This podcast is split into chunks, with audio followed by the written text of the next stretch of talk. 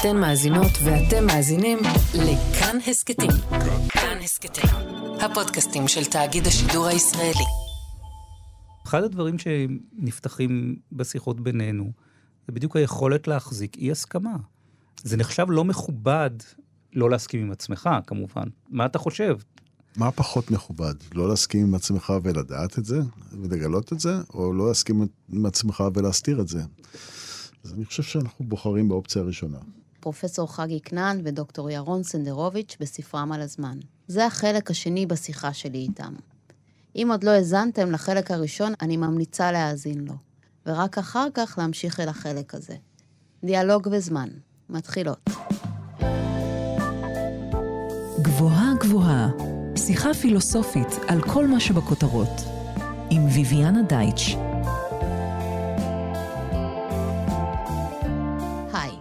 אני ויviana דייטש, אתם על גבוהה גבוהה, תוכנית בה מדי שבוע ניקח פיסת מציאות אקטואלית ונפרק לה את הצורה הפילוסופית. השבוע נעסוק באפשרות לדיאלוג מצמיח, דיאלוג שיש בו זמן. איתי באולפן שני אורחים, פרופסור חגי כנען, ראש החוג לפילוסופיה באוניברסיטת תל אביב, ודוקטור ירון סנדרוביץ', מרצה בכיר וראש התוכנית הבינתחומית לחקר התודעה והקוגניציה בחוג לפילוסופיה באוניברסיטת תל אביב. שלום לכם שוב, חגי וירון. שלום, שלום. היי. אז בספר יש תחושה ברורה שאתם לא מדברים על פילוסופיה, אלא מדברים פילוסופיה. והדיאלוג ביניכם מאוד ממחיש את זה. אתם חושבים יחד, מזינים את המחשבה האחד של השני. ספרו לי קצת על החוויה הזו. את לא מתארת את זה לגמרי במדויק, אנחנו גם מתווכחים. ומתווכחים. אנחנו, אנחנו גם לא מסכימים. בשבילי ויכוח זה אולי משהו טיפה יותר אה, כן. מתנגש, ואני לא חשתי כל כך התנגשות. אני חושב שמה ש, שמאפשר את הדיבור של... אנחנו באים מעולמות פילוסופיים דומים, אבל גם שונים. יש לנו השקפה דומה, אני חושב, לגבי איך שפילוסופיה צריכה להיעשות, אבל בכל זאת מתעניינים גם בשדות שונים. ואני חושב שמה שמשותף אה, לשנינו, אני חושב שזה מה שקשור לרעיון של ידידות פילוסופית, נקרא לזה ככה, זה העובדה שפחות חשוב לנו בשיחה להיות אלה שצודקים. זה יותר חשוב לנו שמה שצודק יופיע מתוכה, ומה שנכון יופיע מתוכה. אנחנו מתעניינים בדבר שעליו אנחנו מדברים, בנושא שנפתח למעננו דרך הדיבור. זה דבר אחד, ואני חושב ששנינו יודעים שסוג כזה של מחשבה ביחד, דרך דיבור, הוא מאוד שונה ממחשבה של כל אחד עם עצמו. ואני חושב שהדבר השלישי הוא אולי שזאת צורה מאוד מיוחדת של ידידות, שמוכרת כבר מהעת העתיקה. אריסטו כותב עליה באתיקה הניקומחית. ידידות פילוסופית היא משהו נורא מספק ומאוד אה, מעניק תחושה של, של, של משמעות, אני חושב. עוד לפני הידידות, דיברת על דיאלוג. זה מעניין, למה צריך בעצם אה, שיחה בשניים, או שיחה ביותר מאחד? האם האדם צריך מישהו נוסף כדי להבין? ואם את הולכת נגיד לתחום הפסיכולוגיה או פסיכואנליזה, אז עושה רושם שכן, זאת אומרת שהאדם לא יכול לעשות לעצמו אנליזה, הוא יכול, אבל זה תמיד יישאר מוגבל, פרויד, אנחנו יודעים, גם עשה לעצמו אנליזות עצמיות, אבל למה צריך את האדם השני? כי הרבה פעמים אנחנו לא מספיקים לעצמנו, במובן אפילו שכדי להבין את המילים שבאות מאיתנו, אנחנו זקוקים למישהו האחר שיחזיק אותם עבורנו. אז זה בפסיכואנליזה. אני לא חושב שזה המצב בפילוסופיה. אני חושב שבפילוסופיה. כמו שאנחנו יודעים, הפילוסופים, הפילוסופיות הגדולים, עשו את זה בדרך כלל לבד. כלומר, הגיעו לאיזה תפיסות עולם רחבות לבד. אבל תמיד באיזשהו דיאלוג עם עם הפילוסופיה שקדמה להם, לא? נכון, הרבה פעמים כן, ו- ואני חושב שפילוסופיה שהיא לגמרי לבד, אפרופו בדיוק מה שאמרת, היא מדי מונוליטית. כן. היא סגורה בתוך עצמה. כן. ובמובן הזה, המקום של להיות עם קול אחר, לתת לקול האחר להיות חלק מהמחשבה שלך, mm-hmm. זה דבר מאוד אה, חשוב. זאת אומרת, לקול האחר במובן של הקול שמפתיע אותך, ששם אותך במקומות לא נוחים, גם שמעודד אותך ברגעים מסוימים של תהומות או של פינות לא ברורות, אבל באופן עקרוני שאתה יוצא מגבולות עצמך, ובהחלט הרעיון הזה של החיפוש אחר האמת כחיפוש שמחייב את היציאה מגבולות עצמך, אה, הוא משהו שחשוב לנו. ומעבר לזה, או על כל זה, עוד מולבשת באמת השאלה מהי ידידות ואיך ידידות עוזרת לכאן, ולשמחתי אנחנו באמת אה, ידידים טובים, וזה עושה את הדברים באמת אה, חוויה מאוד משמחת. נשמע ככה. אני, אני רוצה להוסיף אולי טיפה לחלוק על מה שאתה אומר, בדרך שבה תיארת את הדברים. אני חושב שאין ספק ש... זה קורה הרבה בספר, דרך כן. אגב. כן. אין ספק, לא, כי זה דיבור חופשי, כי כן. אני חושב על הדבר עצמו. אין ספק ש, שאנחנו לא סגורים בתוך עצמנו, לא יכולים לה, להגיע לדבר הנכון דרך היותנו סגורים אך ורק בדלת אמותינו, ושאנחנו צריכים פגישה עם אנשים אחרים שחושבים. אבל יש צורות שונות של פגישה כזאת. אני נזכרתי עכשיו ב... באמירה שפותחת מאמר מאוד מפורסם של עמנואל קאנט, שנקרא מהי נאורות. וקאנט אומר שם שני דברים שהם בשבילו שני היסודות של הנאורות. האחד זה האומץ לחשוב לבד, חשיבה עצמית, לא להיות מי שחושב בעקבות רק, אלא מישהו שמתוך הדבר עצמו חושב. והחובה להביע דעתך ברבים. כלומר, אתה צריך להביע את התוצאות של המחשבה שלך ברבים כדי שתוכל לקבל את ההדהוד שלהם באופן שבו אחרים חושבים. אבל זאת חשיבה בכתיבה. ובדיאלוג יש משהו שהוא לא הכתיבה, הוא הדיבור. ויש המון דברים שיוצאים בדיבור. זה האינטונציה, זה הקצב, זה כל המופע של כל האאורה הזאת של המון המון סממנים שהם בדרך כלל לא מוצאים את העקבות שלהם בתוך מה שבסופו של דבר ייכתב, בספר למשל. הדיאלוג, ספר שלי הוא דיאלוג, יכול איכשהו להעיד עליהם. ואני חושב שאנחנו גם בזה די שותפים בדעה, אם אני לא טועה, שלדיאלוג יש אה, אה, מאפיינים מיוחדים משל עצמו. הדיאלוג שהוא דיבור, לא כתיבה.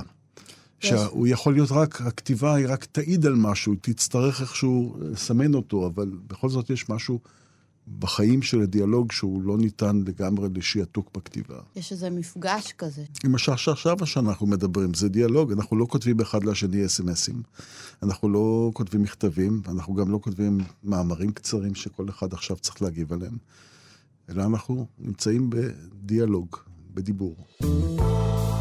אז בואו תספרו לי קצת על העשיית פילוסופיה דרך דיאלוג, דרך הפילוסופיה. בואו בוא נחשוב אולי אפלטון, כן. סוקרטס. עם כל הכבוד, אנחנו לא רואים את עצמנו כן.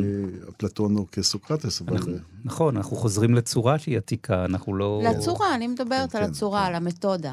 אז זו שאלה מאוד מעניינת. למה, נגיד, באמת, מי שנחשב ל... לזה שהעלה את הפילוסופיה המערבית על הבמה הפילוסופית, אפלטון. כן. כמובן שהיו הוגים לפניו, מה שנקראים בדרך כלל ההוגים הפרה-סוקרטים, לפני סוקרטס. ואפלטון בחר שצורת הכתיבה שלו לא תהיה מסעית, לא תהיה של טקסט אחד שמאורגן, אלא שיהיה בו ריבוי קולות. אצל אפלטון הדמות המרכזית היא בדרך כלל סוקרטס, יש דיאלוגים מסוימים שזה לא קורה ככה, כמו למשל אה, בדיאלוג הסופיסטן, שסוקרטס מפנה את הבמה ובא אורח אחר, שהוא לוקח את מקומו. אבל באופן עקרוני סוקרטס, שהיה דמות היסטורית, מקבל את התפקיד הראשי, והוא משוחח עם מישהו. לפעמים הוא משוחח עם מישהו שרק הגיע לעיר, לפעמים הוא הגיע, משוחח עם, מיש, עם נגיד מישהו שמוכר את הגותו תמורת כסף, מה שנקרא סופיסטים. לפעמים זה אציל שבא מהצפון, כמו מנון. אנשים שונים, האדם הלך בדיוק, עשה איזה אקט בבית המשפט ביחס למשפחה שלו. אז סוקרטס פוגש אנשים ומדבר איתם, ומתחיל לדבר איתם מתוך היומיום שלהם. אבל היומיום, ברגע שמתחילים להסתכל עליו, אנחנו רואים שהוא לא כל כך פשוט כפי שהוא נראה, והמוחלטות שאנשים לוקחים, עושים צעדים, ברגע שחושבים עליה, פתאום רואים שהם לא הכרחיים. לכן סוקרטס בדרך כלל אה, מתואר על ידי בני שיחו כאותו דג משתק, שבמקום לעזור להם לחשוב, משתק אותם ברגע הראשון. והשיתוק הזה באמת הוא סוג של השהיה שקורית בהתחלה, ואחר כך אולי לפעמים נפתחת. עכשיו, תמיד יש שאלות על, על נגיד על הדיאלוגים האפלטוניים, האם הם, ש... האם הם באמת דיאלוגים או לא. נכון. או שסוקרטס אומר והשני אומר אני מבין, או אתה מבין? כן, אני מבין. או שסוקרטס שולל מה שהוא רוצה, ואת הדברים שדווקא נראים לפעמים מעניינים, משאירים אותם בצד וכולי. וכאן היו גם כל מיני תיאוריות לגבי התורה הכתובה של אפלטון והלא כתובה, והיה אסכולה שלמה גרמנית שפרשה את אפלטון כמי שבעצם כותב כך שאת הדעות שלו עד הסוף לא נוכל לדעת וכולי וכולי. אבל לעצם העניין, סוקרטס בחר בצורה דרמטית, אה, סליחה, אפלטון בחר בצורה דרמטית כדי לאפשר למשחק הפילוסופי להראות את עצמו. והשאלה מה זה אומר. וזה דבר שאחר כך קיבל בתולדות הפילוסופיה, היו דיאלוגים של פילוסופים שונים. לא הרבה אבל. אבל לא יותר מדי הרבה באמת. המפורסם שבהם זה הדיאלוג אה, שהוא לא דיאלוג, לייבניץ קצב, כתב את זה כדיאלוג. מסות חדשות על שכל האדם, שבו הוא מתווכח עם, עם לוק, אבל לוק עצמו לא היה שותף לשיחה. זה לא דיאלוג חי לדעתי, זאת אומרת, נכון. זה בדיוק ה... אבל יש לי, לנו יש את הרושם, לפחות לי יש את הרושם שאפלטון מתעד גם משהו. זאת אומרת, הוא לא רק משתמש במקרה בצורה הדרמטית הזאת של הדיאלוג, הוא, הוא כן מהדהד את, את האופן שבו הוא נפגש בפילוסופיה. סוקרטס לא כתב מילה בחייו. כן. הוא נחשב לגדול הפילוסופים. כן. הוא כן דיבר עם אנשים. כן, כן. זה מעניין שמי ש... ש... שהדמות של סוקרטס שפותחת את המסורת הזאת לא כתבה. אחד הדברים שקורים בכתיבה, נגיד כיום, אנחנו צריכים לכתוב ספר או מאמר. יש הרבה אז, שליטה בכתיבה. נכון, נכון. היא, היא מבוססת על שליטה, והשליטה הולכת יחד עם אחריות. אתה צריך להיות אחראי לדבריך, באיזה מובן? קודם כל במובן שאתה תציג תזה קוהרנטית. כן. הדברים, אתה צריך בעצם לדבר בקול אחד. אתה לא יכול להגיד דבר ואז היפוכו. אתה צריך להגיד מהם הדברים. עכשיו, אחד הדברים ש, שנפתחים בשיחות בינינו, זה בדיוק היכולת להחזיק אי הסכמה.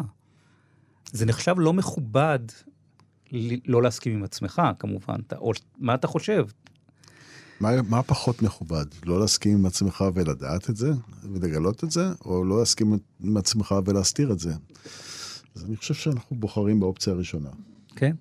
לא, וגם העובדה שאנחנו שניים מאפשרים. אתה חושב ככה, אני חושב ככה, ולפעמים אנחנו לא ברורים עד הסוף מה אנחנו חושבים, וזה מתגלה תוך כדי אז... יש מושג מאוד שקפץ לי עכשיו לראש אה, אה, איכשהו, אה, שאני חושב שהוא רלוונטי לתיאור של ההבדל הזה, זה הרעיון של ניכור. Mm-hmm. בכתיבה יש בה משהו מנוכר, בכתיבה אתה כותב, אתה כאילו רואה את הקהל שעומד מולך, או כאילו רואה את הקהל שיקרא אותך, אבל הוא לא שם. ואתה נמצא סגור בתוך החדר שלך בדרך כלל. בדרך כלל הקהל, לא יודעת, נראה לי, הוא ביקורת. אין בו שום דבר... אה, בהחלט, אתה חושב על מה יגידו, כן, על האם כן. זה דייקת מספיק או לא דייקת כן. מספיק, אנחנו כותבים ככה כל הזמן. וזה מאוד חשוב, כי אפשר כך לחדד דברים שאחרת לא עושים. אנחנו לא עוד נגד זה. כן. אבל אתה, עד שאתה מגיע למקום של הפגישה, כן. אתה לוקח לך דרך לעשות, ופה mm-hmm. אנחנו מתחילים מהפגישה. והניכור הוא לא, הוא לא תנאי הפתיחה של הדיבור, ההפך. גם אמרתם לי בשיחה המקדימה שבלי הדרך שכל אחד עשה לבד, אה, לא הייתם יכולים לשוחח כמו שאתם משוחחים ולהיפגש כמו שאתם אה, בוודאי. נפגשים בספר. יש שאלות שלא נשאל ויש דברים שלא היינו אומרים, לולא יש לנו את ה-background הפילוסופי העצמאי של כל אחד מאיתנו. כן. בהחלט זה ניכר בשיחה. בתחומי המומחיות שלנו. ונותן ביטחון לכל אחד גם להגיד, אה, נכון, אולי, אה, נכון. אני, אני פתוח לשמוע את מה שאתה אומר. זה לא לגמרי בא משם, כי אני מכיר מספיק אנשים שיש להם את ההכשרה שלנו יש, והם דווקא כן ייטו לא לקבל אה, את המקום של הטעות. אז מה מאפשר? העניין בדבר עצמו, ולא בעצמנו, בתוך השיחה. שאנחנו מתעניינים בשאלה. אם אנחנו רוצים לאתר איזשהו מאפיין מסוים של הזמן, מהו זיכרון, איך העבר נוכח בתוך החיים שלנו. זה פשוט נושא, אחד הפרקים שבהם אנחנו יותר התווכחנו. אה, דברים מהסוג הזה, שאנחנו מקשיבים אחד לשני ואנחנו רואים איפה לא דייקנו, איפה טעינו, איפה, איפה אפשר היה לשפר את האמירה. ובגלל שאנחנו רוצים יש לנו מטרה משותפת. משהו לא ברור, יחד. ומנסים להבהיר אותו, ולעומת, באותה זמן גם רוצים להבהיר, אבל גם מבינים שיש אולי דברים שלא נצליח להבהיר עד הסוף.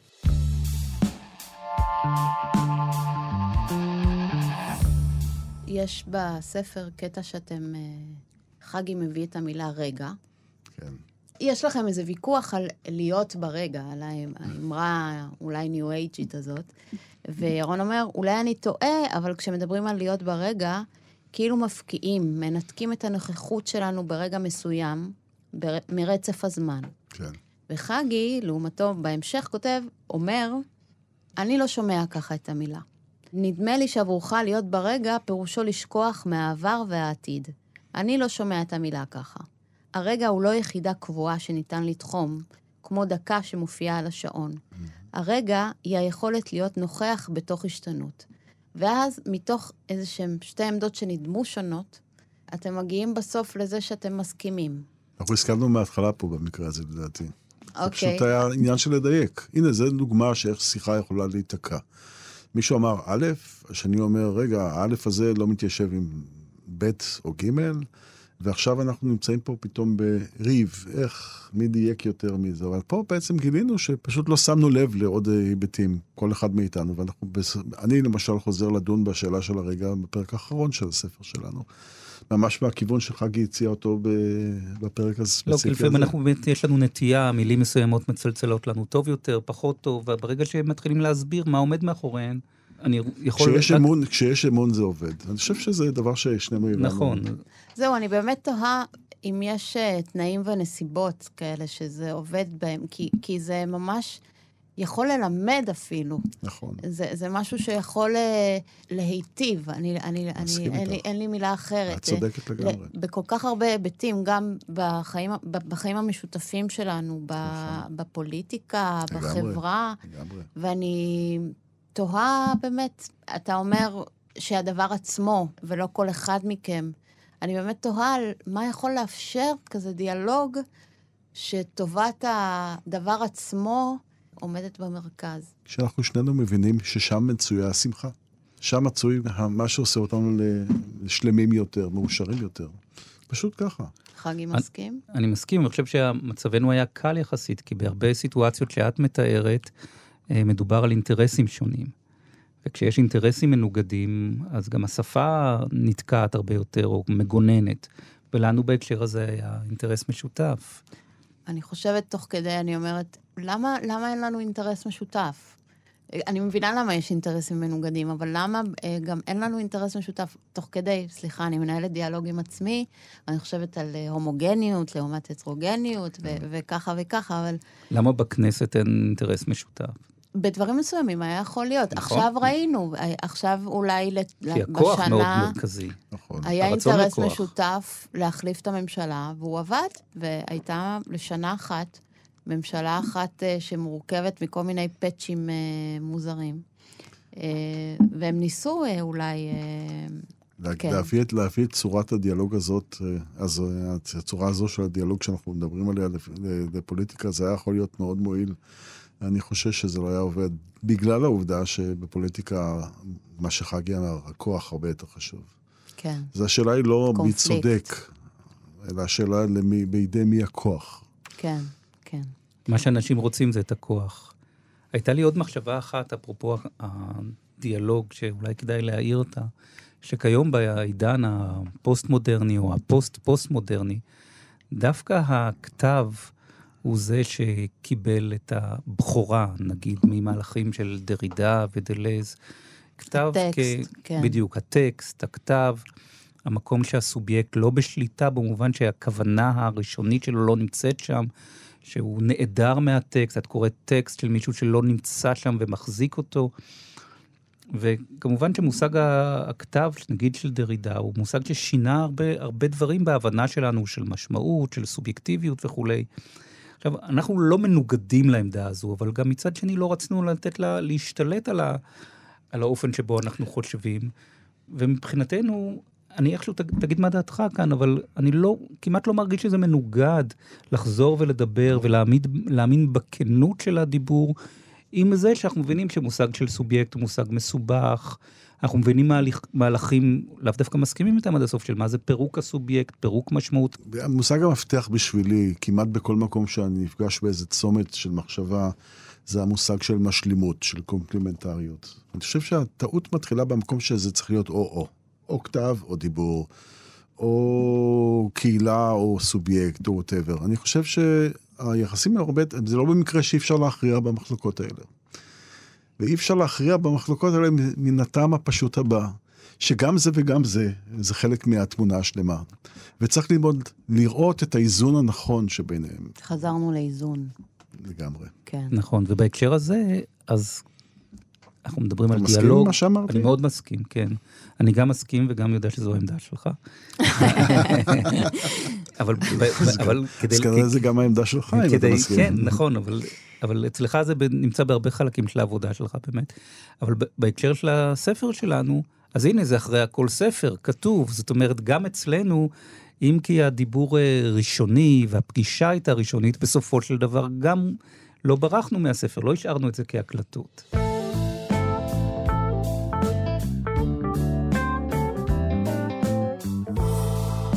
רציתי לדבר איתכם גם לגבי המקום שתופס המוות בחוויית החיים. העמדות שלכם מהקריאה שלי נדמה לי טיפה שונות, נכון? אמרו לנו את זה לא פעם, אבל אני לא בטוח שזה נכון. לא, כן, אני גם כן עשיתי ככה עם הראש. אז כי יש איזו תפיסה אקזיסטנציאליסטית. נכון. זו העמדה של אבל, היידגר. נכון, אבל אתם לא בטוחים בה כל כך. אנחנו לא שלא בטוחים, אנחנו בטוחים שהיא לא נכונה. אה, בוא ננסח את זה ככה. ואנחנו מ- מסכימים, ואפרופו בוא, כתיבה, נ, בוא, בוא נספר אותה קודם. נסביר אותה, כן. כן, נסביר אותה. צורה אחת ל- לומר את זה, זה לא רק אה, היידיגר, אבל היידיגר הוא דוגמה מאוד טובה ל- להתחיל לחשוב עליה, אפרופו המאה ה-20, והיא שהמוות, הסופיות שלנו, מארגן ובעצם מכונן את המשמעות של החיים שלנו. כן. שהוא מהווה אמת מידה מבנית לאיך החיים שלנו יקבלו משמעות. ושלפיכך אנחנו צריכים לחיות את חיינו באופן כזה שהמוות כל הזמן נמצא לנגד עינינו, ואנחנו חיים, בונים את סיפור חיינו כך, למשל, שלא נמות טרם הספקנו לחיות ככה, או אחר, חיינו נכון לאור עובדת המוות שלנו. אצל היידגר יש עניין נוסף, וזה העובדה שלכאורה כל עולם החיים שאנחנו שותפים לו, הוא מושתת על איזושהי הסתרה מאוד עמוקה, בדרך כלל של העובדה הזאת, שעובדת המוות, והיא מתגלה דרך היבט אפקטיבי מאוד עוצמתי של חרדה, אנגסט בגרמנית, שמטלטלת את כל עצם קיומנו, אנחנו לא מוצאים את עצמנו יותר בתוך העולם. אנחנו מרגישים לא בבית בעולם שלנו, ומשם אנחנו מונעים לקראת קיום שהיידגר מכנה אותנטי. כלומר שחרדת המוות, מבחינת היידגר, היא מה שמאפשר לנו להסיר את הלוט מעל פני המציאות כפי שהיא, ועכשיו להיות בעולם כפי שהוא. ואיך זה מתגלה? וזה מתגלה דרך פעולה שלוקחת אחריות מלאה על חיינו, וכמובן נעשית מתוך המקום הכי קונקרטי, הכי מיוחד של עצמנו. העדר בהקשר הזה, ההמון. ההמון, המישהו הסתמי, אנחנו חיים בתוך מה שהיידגר קורא הדיקטטורה של המישהו הסתמי. ובתוך הדיקטטורה הזו, זה, זה כמובן השאלה, המילה דיקטטורה, המוות מוסתר, אבל לא במובן שאנשים חושבים שאין מוות. לא, כולם יודעים שיש מוות, אבל המוות הופך לאיזה נתון סטטיסטי, עובדתי. מה שנשכח ספציפית זה המוות של כל אחד מאיתנו. זאת אומרת שיש לכל אחד מאיתנו מוות סינגולרי שבו חייו הסתיימו. ולאור הדבר הזה אנחנו צריכים לחיות נכון, או, וכפי שירון תיאר, הגילוי הזה בדרך כלל הולך יחד עם איזה פירוק של הקיום השגרתי שלנו, שבא עם, עם הלך הרוח המטלטל הזה של החרדה.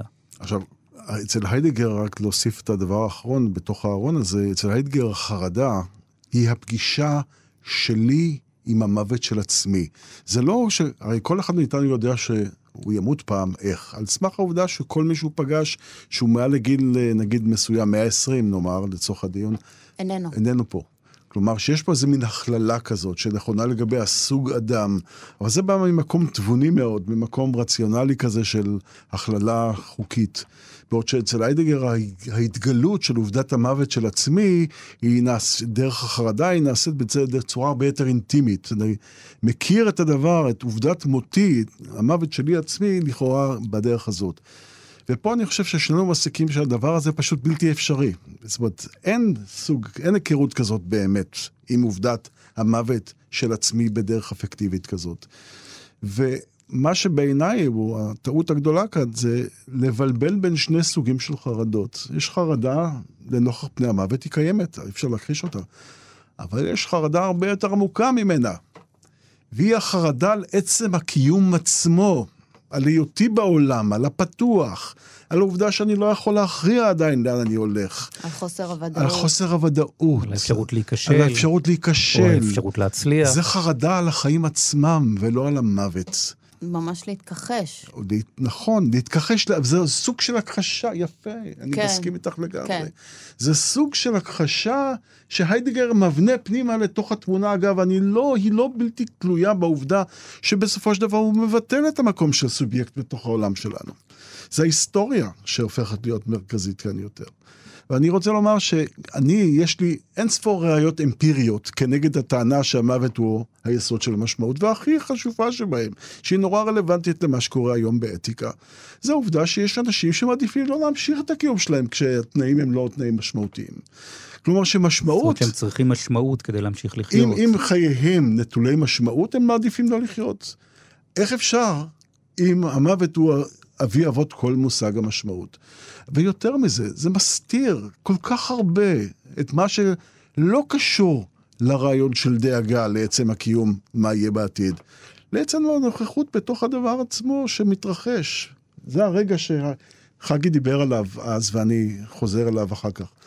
רגע, לא במובן של נקודת בזמן, אלא משהו שמתרחש באיזה מושג של הווה עשיר כזה. שרק בו הדברים נפתחים, ההווה של הילד, למשל. ההווה של הילד מאוד שונה מזה של המבוגר. לא שאין דאגה אצל הילד, אבל הוא שונה מאוד מזה של המבוגר. יש שם נוכחות הרבה יותר, הרבה יותר נינוחה ורגועה, כמו שחגי תיאר את זה. אולי יש לו יותר זמן. לילד. בגלל שאין לו את הדאגה לגבי העתיד. הוא שם לגמרי, בתוך המשחק, בתוך ההנאה של, ה, של הפגישה, בתוך, בתוך, ה, בתוך מה שהוא עושה.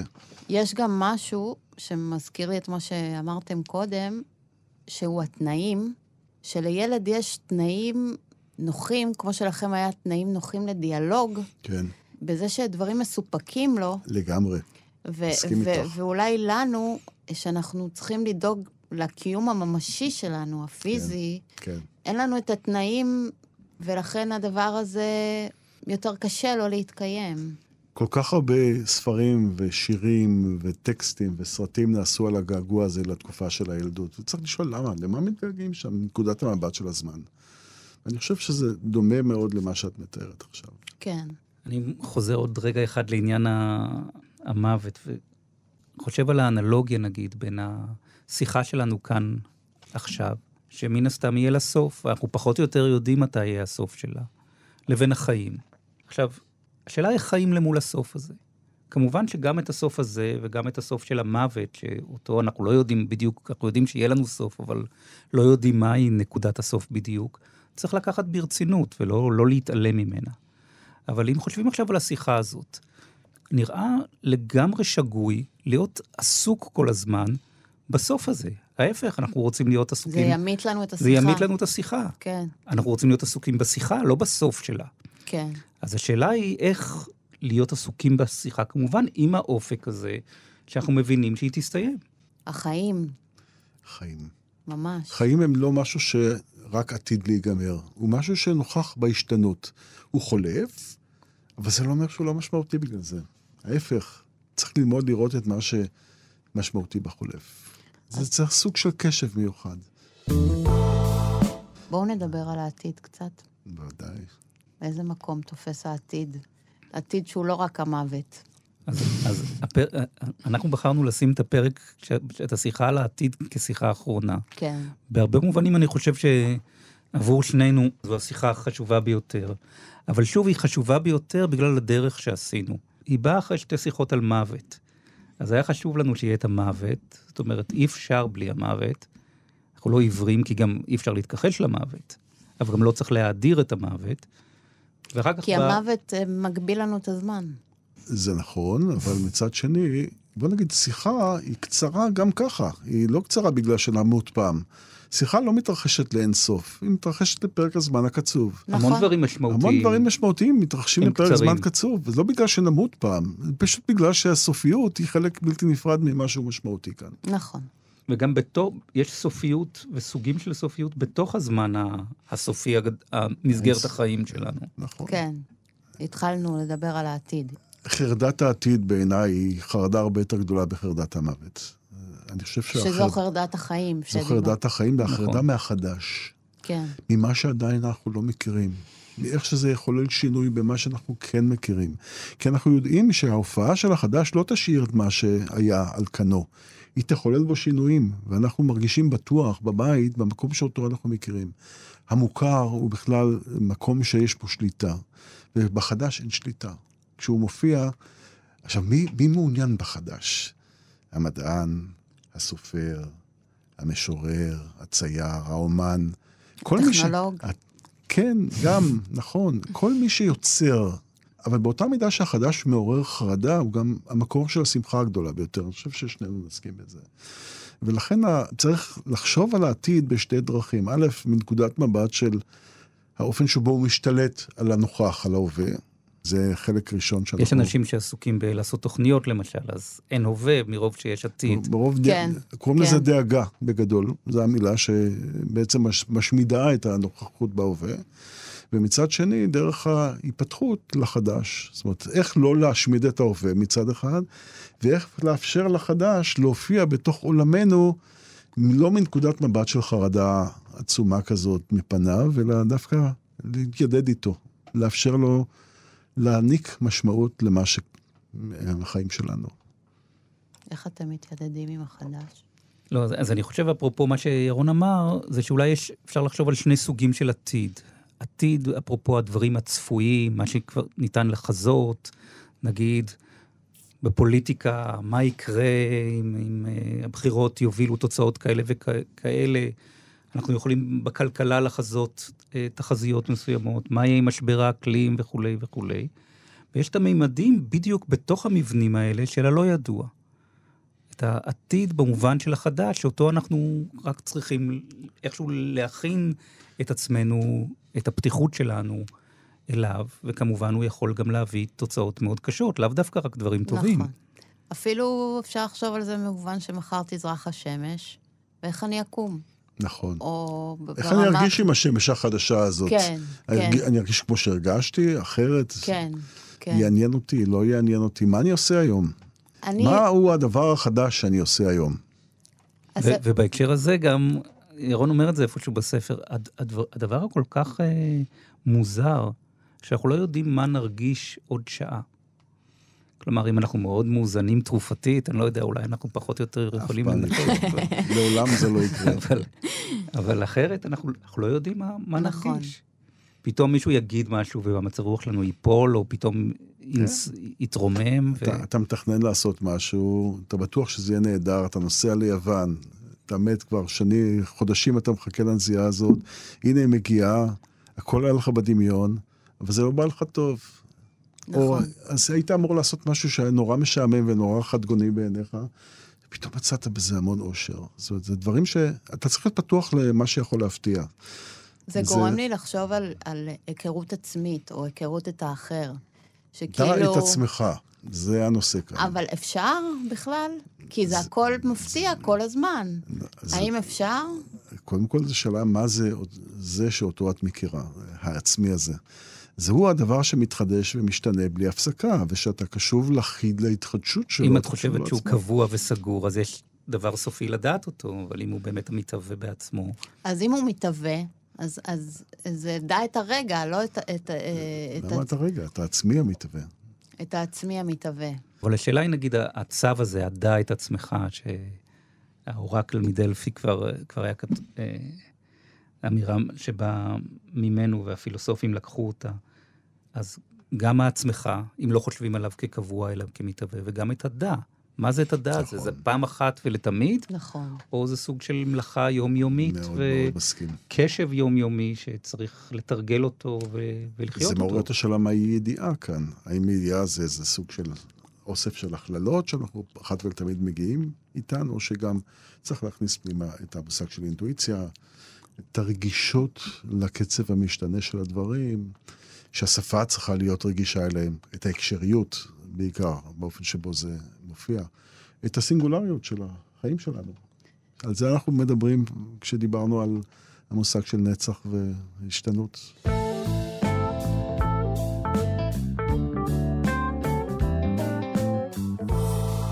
גם בקריאה שלי, ובמיוחד עכשיו, כשאני יושבת איתכם באולפן, אני מרגישה שיש סוג של תרפיה בפילוסופיה עבורכם. Mm. או אני לא יודעת אם זה במפגש, זה או רק שזה... עבורנו? את חושבת שזה רק עבורנו? אני יושבת איתכם עכשיו, אז אני מדברת איתכם. אני לא חושבת שזה רק עבורכם. כן. אבל, אבל זה מאוד מורגש שיש אולי איזו בחירה בהאם לתת לדבר הזה מקום, ואז זה יכול להיות תרפיה, או לבחור לא לתת לדבר הזה מקום, ונדמה לי שאתם נותנים לדבר הזה מקום, ובאמת רציתי לשאול אם אתם חווים את זה, אם זה משהו... זה, זה צורת חיים חיה כזאת, מרגיש לי, עבורכם. אז דיברנו על זה קצת קודם, ואני, ואני לגמרי מסכים איתך שיש משהו כזה בדרך שבה אנחנו חושבים על פילוסופיה, וזה לא מפתיע, זה לא אמור להפתיע שזה ככה. כי בסך הכל השאלות שאנחנו עסוקים בהן הן שאלות שכל אדם כמעט שעומד על דעתו עסוק בהן בצורה כזו או אחרת. אז אחד יכול לפנות לדעת, השני פונה לעשות בעיסוקים אחרים, והשלישי לפילוסופיה, ואני חושב שהאלטרנטיבה הפילוסופית מוצלחת יותר מאחרות. כי היא הופכת את הכל לנגיש וגלוי וחשוף. ויש פלונטרים בתוך המחשבה שלנו, שהם באים ביחד עם המחשבה. אולי כן קשורים למנגנונים של הסתרה, אולי כן קשורים למנגנונים שרוצים להפיג חרדה, וכשאנחנו עסוקים בלחשוף אותם, אז אנחנו יכולים גם לשחרר. לשחרר את המחשבה, לראות את הדברים כפי שהם. והחשיפה הזאת לא דורשת עוד אדם? באמת, כמו הדיאלוג בוודאי, ביניכם? עדיף, עדיף לעשות. אני לא בטוח. פה אנחנו אולי קצת לא לגמרי לא שותפים. אבל אני לא בטוח. אדם קונקרטי, או כמו שאמרת, מסורת שאתה מתייחס אליה? את מתכוונת לאדם קונקרטי, למפגש קונקרטי. אני חושבת, כן, המפגש עם, עם עוד uh, נקודת מבט. אני חושבת, אפילו אדם כותב, שיושב לגמרי. וחושב לבד, בסוף יישב, תשב עם העורך, עורכת. שלו, שלה, ו- ושם ייפתח משהו. אבל לדעתי, או... אני, אני, אני, לדעתי הגילויים של כל אחד מאיתנו, העצמיים בכתיבה שלנו, לא ביחד, קרו לבד בעצם. כן. הם קרו לבד על רקע של על... מחשבות של אחרים, כן. והניסיון להבין את המחשבות של כן. האחרים הגדולים שאנחנו נפגשנו בהם ב, ב, בעבודה שלנו. בוודאי, אני חושב שהמושג של ביקורת הוא מושג מפתח כאן. ביקורת לא חייבת להיות משהו תוקפני או מזיק. כן. ביקורת זה המבט של האחר על מה שאתה עושה. כן. אם אני כל הזמן מצלם את עצמי בסלפי, אני לא אראה את עצמי באמת. אני אראה את מה שרציתי להראות לעצמי. אבל כשמישהו מצלם אותי, חגי כתב על זה, אני משתמש פה בדוגמה של חגי, אז uh, הוא מראה אותי בדרך שאני לא ראיתי קודם. כן. אני משתקף אחרת. ופילוסופים מתורגלים בלקחת את פרספקטיבות שלא נוחות להם, או פילוסופים טובים לא, לא ייקחו רק את הפרספקטיבות שנוחות להם, אלא כאלה גם שלא נוחות להם כדי להתמודד איתם. אבל זה לא אותו דבר כמו באמת לדבר בדיבור חי. ומה אתה אומר על מה שאמרתי בכל מה שקשור לתרפיה? אז אני הייתי פותח את זה בכמה כיוונים. קודם כן. כל, כשאנחנו מדברים על תרפיה, את חושבת על ריפוי למשל, ואז האם זה אומר שאנחנו נמצאים במצב ראשוני של מה? של מחלה שצריך להוציא אותנו ממנה? שאלות. אני לא חושבת על מחלה, אני חושבת על מצוקה אולי.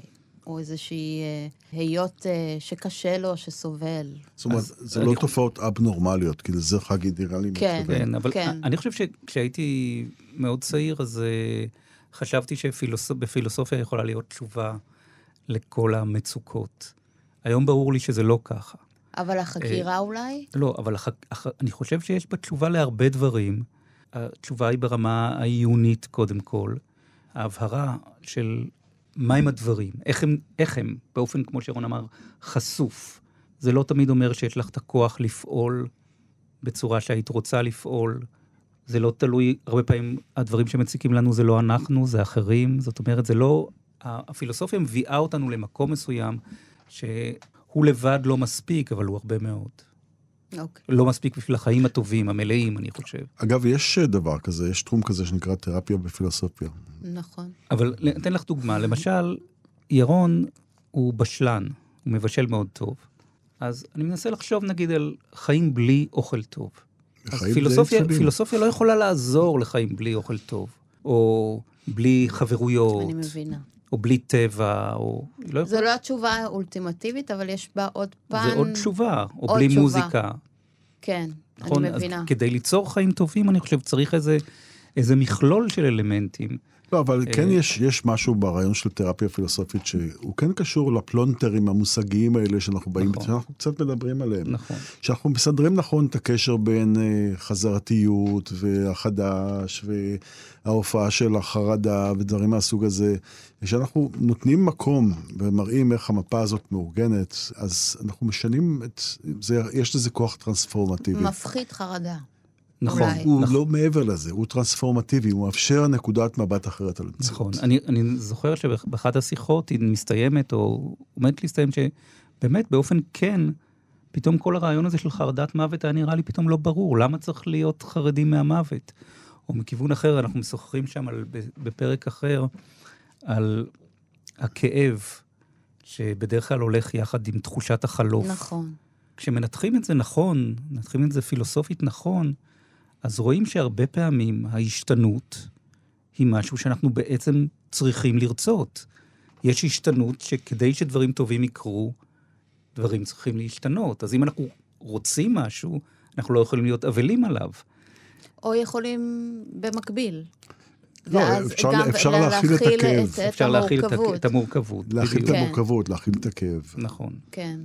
ולא כל השתנות, למשל, גם יש אנשים שקושרים את הכאב עם השתנות ואת אי העניין בהשתנות. אה, הרי הדברים שהכי מעניינים אותנו זה השתנויות. נכון. להאזין לקונצרט, לראות סרט, ללכת לטיול, לרקוד, אה, אה, להשתתף בארוחה רבת משתתפים או מעט משתתפים. אין ספור דברים, דוגמאות שבהם כולם זה השתנויות שאנחנו נהנים מעצם השתנותן. אתם גם נותנים דוגמה על ילדים ש- נכון. ש- שגדלים, שאתם רואים אותם. אתם לא רוצים שהם יישארו ילדים. לגמרי. יש, יש איזה עונג בלראות אותם הופכים לאנשים גדולים. אנחנו מעוניינים בזה. זאת כן. ההצלחה וזה שלהם. גם כואב. נכון, זה, זה גם כואב שהילדים שלך גדלים, זה הכי כואב. וגם אתה רוצה שזה יקרה.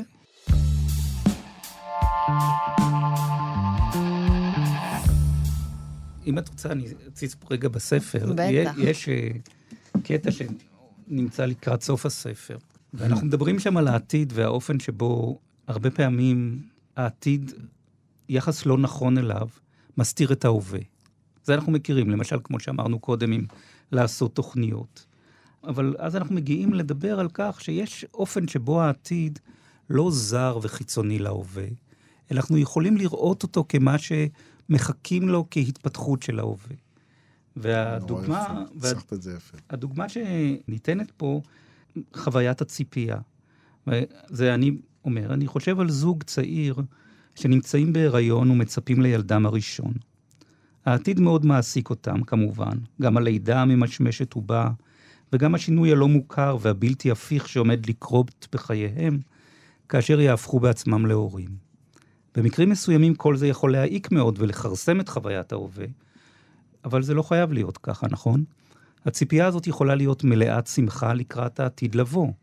הציפייה לעתיד לא עומדת בניגוד לחוויית ההווה, אלא מעמיקה את החוויה.